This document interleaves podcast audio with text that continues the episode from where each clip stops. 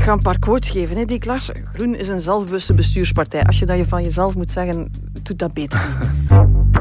Het is laat, geen voetbal vanavond op het EK. Het Rijk is helemaal van ons en het Rijk dat is de redactie van het Nieuwsblad in Antwerpen. Dit is het Punt van Van Impe, de Actua-podcast van het Nieuwsblad. Met hoofdredacteur Liesbeth Van Impe en met mezelf Jeroen Roppe. Dag Liesbeth. Dag Jeroen.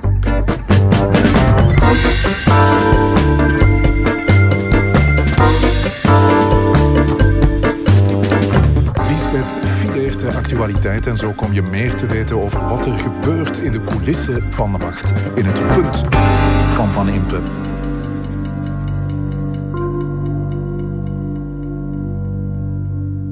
Een vlierenfluiter, Lisbeth, heb je daar al ooit van gehoord? Ik had er nog nooit van gehoord, toch niet in zijn alcoholische vorm. Dat is een overheerlijke Westelse trippel. Ik ken die omdat ik wel eens naar het voetbal ga in Westerlo, de parel van de Kempen, om er uh, commentaar te geven voor Eleven, maar eigenlijk ook om er na de wedstrijd een vlierenfluiter te drinken. Ik vind hem super lekker. Wat vind jij? Ik vind hem uh, ja, lekker, fris ook. Bij mijn laatste Perfect doortocht heb ik uh, er meteen een hele bak gekocht, dus als je dorst hebt, uh, dan uh, roep je maar. Hè. We komen de hele uitzending door, begrijp ik. het schoolrapport van Ben Weitz, het mediaoffensief van Groen en zoals elke week tijdens het EK voetbal en politiek. Waar beginnen we mee, Lisbeth? Laten we misschien met de groene beginnen. We zijn er klaar voor een nieuw punt van Van Impe, zoals elke donderdag op nieuwsblad.be en op alle bekende podcastplatformen. Laten we beginnen.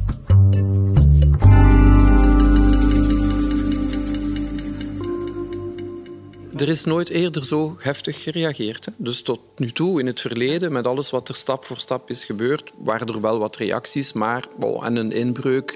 Um, het is nooit heftiger geweest dan nu. Ik denk dat iedereen begrijpt dat er stilletjes aan rode lijnen worden overschreden en dat we ons daar ernstig moeten over bezinnen. Minister De Sutter afgelopen weekend in de zevende dag op tv. Ik wil je toch iets vragen, Lisbeth. Als nu al enkele dagen dat het groen voor mijn ogen ziet. Ik zie en hoor overal groen mandatarissen in de media. Mieke Schouwvliegen, onlangs gehoord, Petra de Sutter, uh, Meirem Almachi, Tine van der Straten. Ze waren overal. Je kon er niet naast kijken. Ook in het nieuwsblad uh, trouwens. Jullie hadden een uh, gesprek met de voorzitter. Hè? Inderdaad. Um, ja, als je zo plots ziet dat uh, een hele partij um, naar buiten komt en uh, in de helft van de weekendkranten staat en op de zevende dag en in de zaken opduikt, dan weet je dat daar een vergadering aan vooraf gegaan is waarin dat iemand gezegd heeft van we zouden toch een keer een sortie moeten doen. Groen vraagt om aandacht. Hoe gaat dat dan? Uh, bellen ze jou dan op, Lisbeth, en, en, bieden ze dan een van de kopstukken aan? Alle kranten hebben, hebben weekendinterviews en dat gaat in de twee richtingen. Hè. Je vraagt interviews aan, dat wordt soms geweigerd, soms, soms toegestaan. En het gebeurt ook dat partijen aan het hengelen zijn en, en een minister in de aanbieding leggen. Dat lukt niet altijd. Maar goed, we zaten nu met PFOS. Je weet daar, de, de groene burgemeester die daar uh, in de problemen gekomen is. Ja, dat is vervelend hè, voor uh, groen. Dat is bijzonder vervelend. Ze hebben eigenlijk... Uh, uh, vooral de NVA toegelaten om eigenlijk het hele veld te bezetten. Bart de Wever heeft al een fort rond zijn uh, Antwerpse gemeentebestuur opgetrokken. Hij heeft de landis al in bescherming genomen. Hij is zijn verdedigingsstrategie in de Vlaamse regering al aan het zetten. En een van de strategieën van Bart de Wever was voluit in de aanval gaan tegen die groene burgemeester van Zwijndrecht. Nota bene de enige groene burgemeester in heel Vlaanderen. En eigenlijk hebben we tot nu moeten wachten tegen dat Groen eigenlijk met een treffelijk antwoord kwam en in de tegenaanval ging. Heeft het helemaal overtuigd. Ik twijfel eraan, maar ze laten zich toch al niet meer helemaal in de hoek drummen. Dat is toch wel iets. Ja, maar er zijn ook uh, dossiers uh, waar groen uh, de hoofdrol in speelt en die gewoon heel moeilijk uit te leggen zijn. Hè. Als ik denk aan de kernuitstap, minister Tina van der Straten die probeert uit te leggen waarom we gascentrales die veel CO2 uitstoten nodig hebben, tijdelijk ter vervanging van die kerncentrales dat is uh, communicatief toch echt wel een huzarenstuk. Hè? Dat is bijzonder moeilijk. En je voelt ook opnieuw N-VA, die, die, die graag van groen een mikpunt maakt, die laat geen kans onbenut om op die schijnbare tegenstrijdigheid te wijzen. Niet altijd met de juiste cijfers, niet altijd met de juiste gegevens, maar er komt niet altijd veel weerwerk aan. En ja, dan komt zo'n mediaoffensief eigenlijk als een, als een manier om dan jezelf op de kaart te zetten. Nu, je weet hoe dat gaat. Dat is een beetje een catch-22. Als je interviews collectief moet komen geven om te zeggen dat je geen probleem hebt, is dat doorgaans het beste bewijs dat er wel degelijk een probleem is. En uh, als ik nu naar de verdediging van Groen keek, wat ze dan blijkbaar onderling afgesproken hebben van wat de boodschap zou moeten zijn, dan was het eigenlijk van, we zijn er eigenlijk vrij gerust in. Ja, groen is te zeker van zijn stuk. Dat is, uh, dat is misschien het probleem. Ik vind het wel en ik vind het eigenlijk heel gek, omdat... Um, ik ga een paar quotes geven hè, die ik las. Groen is een zelfbewuste bestuurspartij. Als je dat je van jezelf moet zeggen, doet dat beter niet. dan denken mensen al van, waarom voelt hij de nood om dat hier te zeggen, waar de rest gewoon uh, daar van zijn eigen kracht uitgaat. Uh, iedereen weet dat de Groenen in de regering zitten. Petra de Zutter in de standaard. Almasje bij ons, we hebben drie ijzersterke ministers en ja, die geven ook interviews. Het zou er nog maar moeten aan mankeren dat ze geen interviews zouden geven. Alles wat duurzaamheid betreft, zal wel aan ons blijven plakken. En dan denk ik van, jongens, dat is heel zelfzeker, maar hebben jullie de laatste peilingen nog gezien? De 10%-grens is alweer een tijdje een, uh, een soort van bovengrens waar ze niet aangeraken.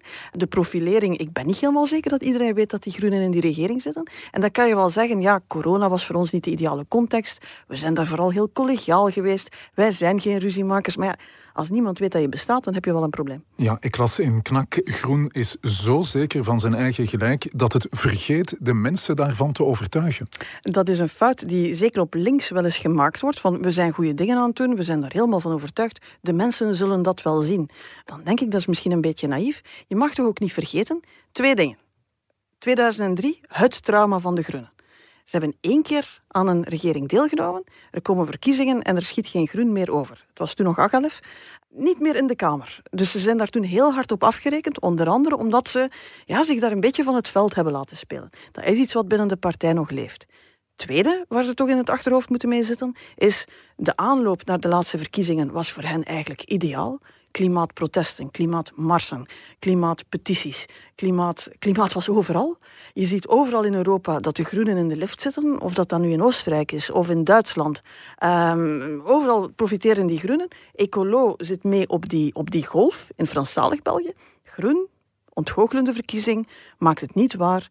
Ze hebben die ontgoocheling een beetje proberen weg te steken, maar iedereen wist eigenlijk dat het uh, veel beter had moeten zijn. Dus ze zouden intussen moeten weten dat zo'n beetje onzichtbaar zijn in een regering je heel duur kan te staan komen en dat de aandacht voor klimaat en milieu niet noodzakelijk zich in Vlaanderen vertaalt voor klinkende over ja, Het is geen uh, exclusief uh, groen thema meer. Uh, klimaatverandering, duurzaamheid. ook andere partijen profileren zich daarop. Het is druk geworden hè, op de groene vierkante meter. Je hebt tegenwoordig bedrijfsleiders die het groene ontdekt hebben. Je hebt zowel die Miers die zich op milieu probeert te, te, te profileren. En tegelijk heel veel pogingen bij anderen om de groene weg te zetten als een beetje naïef, beetje ja, de wereldverbeteraars waar je toch best niet op bouwt. En daar, ja, daar mogen ze toch niet te naïef zijn. Als ik Petra de Zutter hoor zeggen van, ja, maar ja, we hebben ook meegewerkt aan die minimumlonen en als de PS daarmee wil campagne voeren, dan gaan ze toch in dikke letters er moeten bijzetten dat wij geholpen hebben. Dan denk ik, dan ken je de PS niet. Die zetten dan niet in dikke letters erbij. Daar zou je wel eens heel bedrogen kunnen uitkomen. Je eerste punt is duidelijk, Lisbeth. Je eerste punt is dat groen stilaan eh, mag eh, wakker schieten. Welke raad geef je aan uh, Meirem Almaci? Ik denk dat ze soms verwarren dat collegiaal zijn betekent dat je niet kan profileren. Ze lijken een beetje neer te kijken op profilering. Ik denk, je moet gewoon heel assertief uitleggen wat je doet. Dat hoeft niet om collegiaal te zijn. Doe dat met zelfvertrouwen. En ja, in de personeelsbezetting voel je wel we hebben het al vaker gezegd, Almasje is een beetje een aangeschoten voorzitter. Ze geeft dat zelf ook toe. Ze slepen dat mee. Ik weet nog altijd niet of dat, dat eigenlijk wel een slimme beslissing is geweest om na die verkiezingen die tegenvielen te blijven zitten. Maar goed, daarmee gaan ze doorgaan. Het enige wat ze kunnen doen is niet achteroverleunen, assertief communiceren, minstens voldoende weerwerk bieden. Het punt van Van Impe.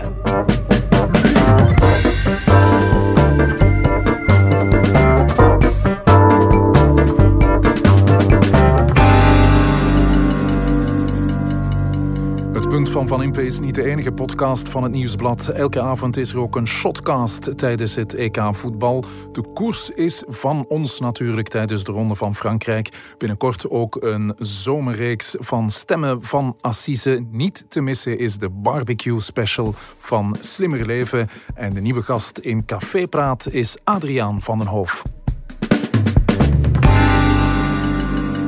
Zeg nooit nooit maar ik mag toch hopen dat we met z'n allen prioriteit geven aan onze scholen, aan onze jongeren en aan onze kinderen.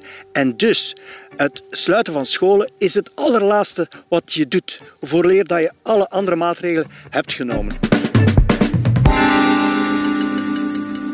Dat was minister van Onderwijs Ben Wijts in volle coronacrisis toen hij er alles aan deed om de scholen open te houden. Het schooljaar zit er intussen op en het is tijd, Lisbeth, voor het rapport. Welke score geef jij, Ben Wijts? ik denk dat ik Ben Wijts op dit moment toch een, eh, een, een 7 op 10 zou durven geven onderscheiding voor uh, Ben Wijts? Anonieve onderscheiding. Ik begrijp dat de minister dat in zijn eigen schoolcarrière uh, niet zo vaak gehaald heeft. het was om in het thema van de uitzending te blijven een beetje een vlierenfluiter. Maar, uh, dus ik ga ervan uit dat hij met 7 op 10 best gelukkig zal zijn. Ja, hij zal heel blij zijn als hij dit hoort. Ben Wijts was dan ook heel aanwezig in de media.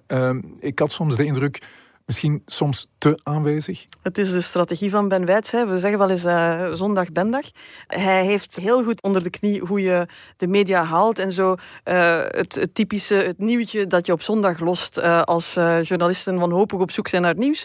Waarmee je de sites kan openen, waarmee dat je de zondag kan openen. Je ja, ligt bij de bakker. vroeger al als minister van Mobiliteit. Hè? minister van Mobiliteit was minister van Puttekes met een alm ernaast. Als hij voor dierenwelzijn bevoegd is, dan zal er altijd wel iets zijn met beestjes die moeten beschermd worden tegen van alles en nog wat. Uh, ben Wijts heel makkelijk de weg naar uh, de media, naar het nieuws.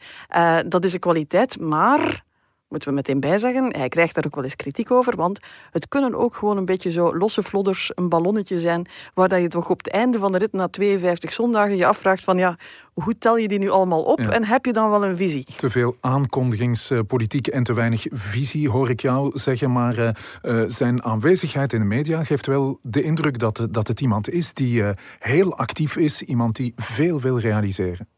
Uh, pas op, hij staat daar ook voor een heel grote uitdaging. Nu, corona heeft daar een beetje roet in het eten gegooid. En de quote die hebben we laten horen, die kan je in 720 verschillende versies laten horen van Ben Wijt.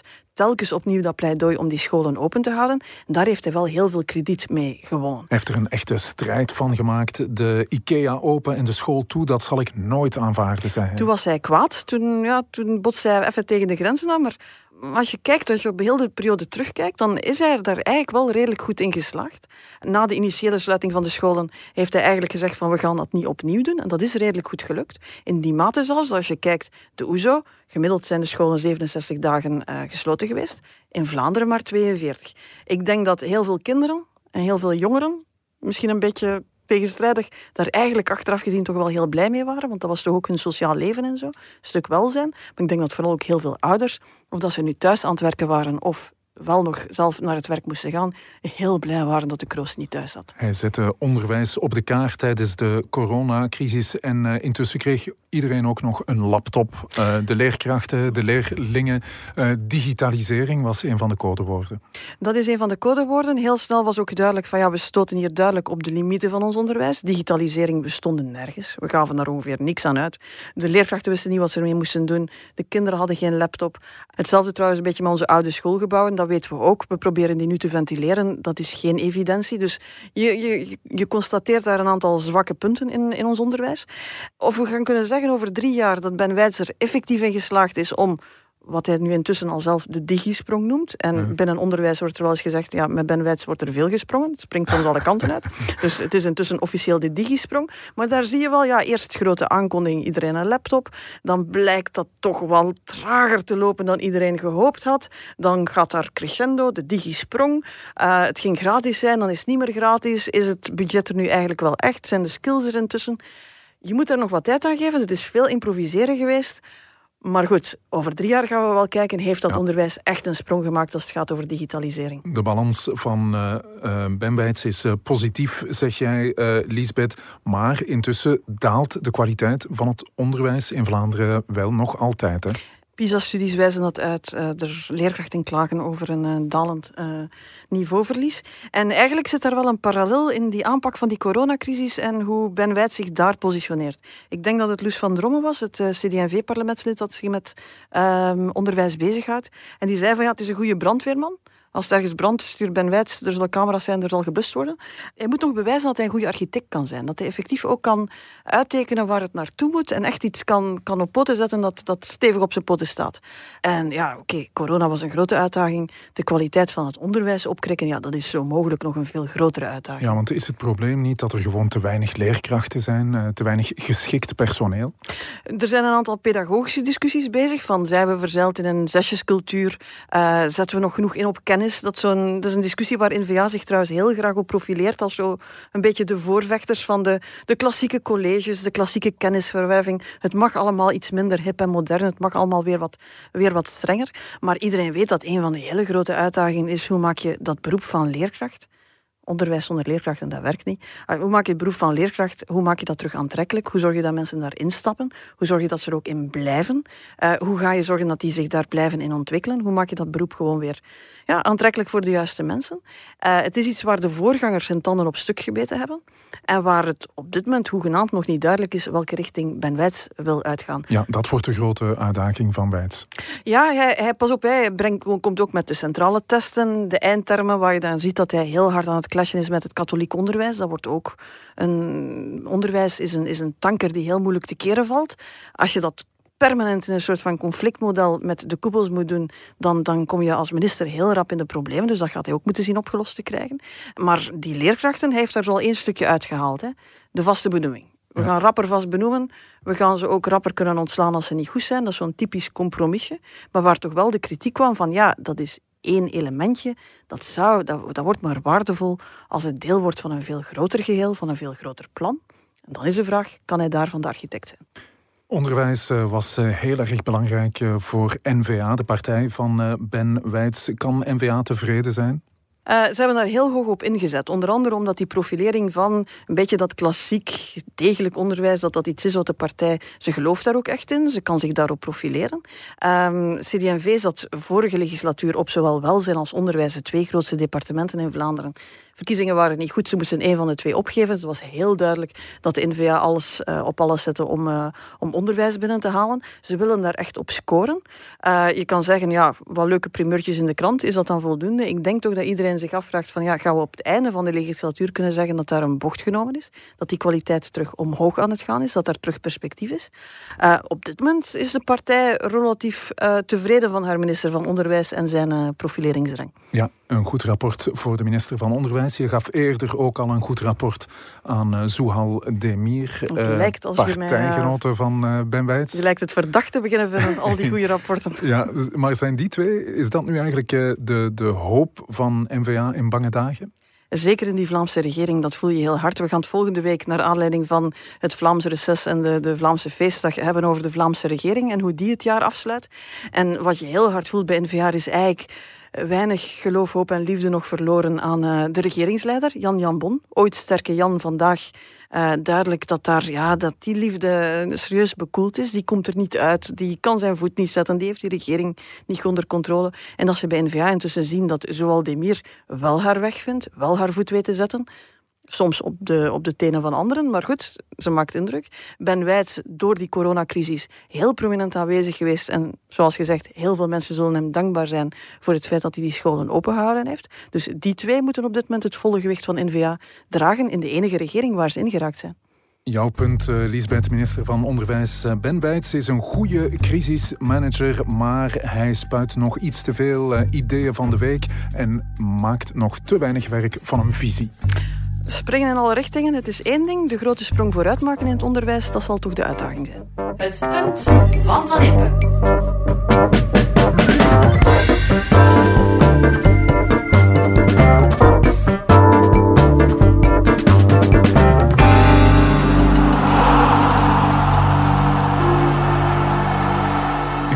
Dat eh, Ben Wijts voetbalfan is. Hij supportert voor Anderlecht. Maar uh, nu tijdens de TK hoor je hem eigenlijk uh, opvallend weinig of zelfs helemaal niet. Hè? Hij zegt niks over de Rode Duivels. Hij krijgt daar zelfs een beetje kritiek voor. Want we hebben net gezegd, Ben Wijts die mist nu eens nooit een kans om de media te halen en zich te laten zien. Hij is minister van Sport. Je zou hem bij ieder doelpunt eigenlijk in volle glorie verwachten. Maar nee, blijft vrij ja, voetbal is politiek. Dat punt hebben we nu wel al een paar keer gemaakt. Vlaams-nationalistische politici die het niet over hun hart krijgen om voor de Rode Duivels te supporteren. Heb je daar begrip voor? Het is de ongemakkelijke stilte. Hè. Ik denk dat we bij een vorige WK of EK hebben ooit eens een glimp opgevangen van de debatfiche. Dat is zo de instructie die dan binnen de partij verspreid wordt naar wat wat zeggen we, wat antwoorden we op lastige vragen. En dat ging toch heel ver van, je moet de mensen niet kwaad maken, maar allee ja, zeg daar zo weinig mogelijk over. De ongemakkelijke stilte van N-VA. En dat staat natuurlijk in schril contrast met hoe uh, bijna alle andere partijen eigenlijk schaamteloos voor de recuperatie gaan. Uh, bij ieder doelpunt aan het tweeten slaan, uh, zich laten fotograferen in gekke outfits. Ze hebben zelfs, dacht ik, bij de eerste match van de Belgen Frank van den Broeke naar de kern in een, in het shirt van de, in een shirt van de Duivels gekregen. Allee, je moet dat maar proberen. Dat, ja, het is iets waar politici zich graag laten zien, ook in tribunes, ook, uh, ook op foto's. Maar ja, goed, die nationale ploeg, dat wringt dan bij Vlaamse nationalisten. We moeten wel eerlijk zijn, Degenen die het echt heel ver aan het doordrijven zijn, is uh, Vlaams Belang. Ja, die supporteren zelfs consequent voor de tegenstander van uh, ja, En als het een tegenstander is die ons ook politiek een beetje op de zenuwen werkt, zoals Rusland of de Hongaren of wat dan ook, uh, dan, dan, dan gaan ze helemaal voluit. Um, dan gaan ze echt voor de tegenstander gaan supporteren. Ze lachen met die rode duivels die knielen. Um, zo van, ja, doelpunt binnengekregen. Ah, ze waren nog niet recht geraakt of zoiets. En dan zie je dat dat heel druk geretweet wordt. Ja, die gaan eigenlijk schaamteloos voor tegen België. Ja, er zijn natuurlijk eh, ook eh, politici die voor het behoud of de versterking van België zijn. En eh, die rekenen op onze Rode Duivels. Maar denk je dat de Duivels ook een invloed kunnen hebben op ons stemgedrag? Uh, hebben ze een politieke invloed, denk je? Er zijn weinig aanwijzingen dat dat een, een heel duurzaam gevoel is. Hè. Toegegeven, we stevenen nu eigenlijk wel af op een, uh, op een beetje gekke 11 juli. Uh, Vlaamse feestdag. Uh, doorgaans samen met de grote koersen de dag van de Vlaamse leeuw. Uh, ja, nu zou het ook de finale, stel dat we geraken, van het EK kunnen zijn. Ja, dan gaan we dus de battle van de vlaggen zien. Op 11 um, juli, ja. Ja, want Vlaanderen vlagt is een manier langs de Vlaamse kant om bijvoorbeeld de koers te proberen aan de kant van de Vlaamse zaak te krijgen. Maar ik denk dat politici ergens wel weten dat dat een heel vluchtig gevoel is en dat dit land echt niet zal bijgehouden worden door frieten en rode duivels. Ja, dat hebben we ook in Spanje gezien. Hè, toen Spanje wereldkampioen en Europees kampioen uh, werd. Dat uh, heeft uh, het Catalaans nationalisme of Baskisch nationalisme niet kunnen stoppen. Heb je intussen nog genoten, Lisbeth, van die achtste finales op het EK? Het waren finales vol spanning, verrassing, sensatie. Uh, echt om van te smullen, hè, die achtste finales. Wel, je weet dat ik geen grote voetbalkenner ben, ben maar ik heb ontdekt dat dus een 1-0 voor je eigen ploeg, die dan 90 minuten wordt volgehouden, dat dat bijzonder spannend kan zijn. Ook al gebeurt er eigenlijk veel te weinig. Um, en dan heb je die doeltjeskermissen die we gezien hebben uh, in de dagen erachter, met dan verrassende uitschakelingen en underdogs die winnen. Uh, het was fantastisch, maar ik vermoed dat jij er nog veel meer van genoten hebt, hebt dan ik. Absoluut. Frankrijk, de gedoodverfde favoriet die eruit ligt Nederland dat een eh, rode loper richting finale kreeg, ligt er ook al uit. We vinden dat allemaal geweldig. Hè? Uh, leedvermaak, Lisbeth, is dat een, een emotie die jij ook kent? Oh ja, ik, uh, ik heb wat stukken zien passeren en uh, blijkt, uh, ik doe wat zoveel mensen doen. Ik weet niet of dat jij het doet, maar als ik de Nederlanders zo dicht bij de uitschakeling zie, dan stap ik naar de Nederlandse zenders laten, om te zien of ik de teleurstelling toch ja. live kan meemaken. Ja, ja leedvermaak is één emotie. Een andere emotie zou kunnen zijn medelijden. Heb je medelijden met een, bijvoorbeeld een Bappé die, die penalty mist? Hoegenaamd niet. Jij wel? Uh, ik voelde toch wel wat medelijden. Je bent ja. te goed voor deze wereld, Jeroen. Uh, nee, ik ben eigenlijk altijd blij als dan zo'n cruciale penalty gemist wordt door een van die absolute sterren die zwaar overbetaald is. Dan denk ik, van, ja, die zal daar wel, wel mee kunnen leven. Als je zo het kneusje bent, net de selectie gehaald en jij mist dan die, die cruciale penalty, ga daar maar mee uh, de rest van je leven mee om. Hè. Dus nee, laat het, het belachelijk missen van cruciale penalties, laat dat maar over aan die overbetaalde sterren. Ik hoor het, je leeft helemaal mee met dit EK. Betekent dat ook dat je trots bent op uh, wat België tot nog toe gepresteerd heeft? Ik vond een van de interessante stellingen als het gaat over leedvermaak. Je kan eigenlijk maar leedvermaak hebben als je jezelf ook een beetje de underdog voelt. Onze ingewikkelde uh, relatie met onze noorderburen iets wat mij veel meer verraste, maar de haat bijna richting uh, de Fransen die, die het land overspoeld heeft. Het is ook voor een stuk omdat we dat als grotere voetballanden grotere teams, uh, serieuze uitdagers zien. Je hebt geen leedvermaak met, laat zeggen, de Zwitsers als die er straks ja. uitgaan. Daar heb je geen leedvermaak mee. Je hebt leedvermaak omdat een grote tegen uh, de grond gaat. En dat zegt ook nog altijd iets over ons. Blijkbaar zien we elkaar, onszelf nog altijd niet als de favoriet. Maar uh, wie weet. Mijn vlierenfluiter Lisbeth die is intussen bijna op. Dat het voetbalseizoen maar snel weer begint. Dan kan ik nog eens naar Jeroen, het is nog volop bezig.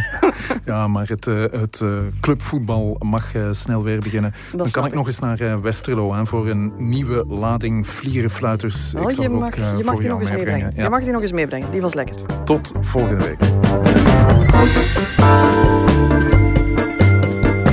Was het Punt van Van Impe, een podcast van het Nieuwsblad. Je hoorde de stemmen van hoofdredacteur Lisbeth Van Impe en van mezelf, Jeroen Roppe. Dank aan de VRT voor de nieuwsfragmenten, aan Pieter Schrevers voor de muziek en aan House of Media voor de montage. De productie was in handen van Eva Michom en Bert Heijvaart. Tot het volgende Punt van Van Impe.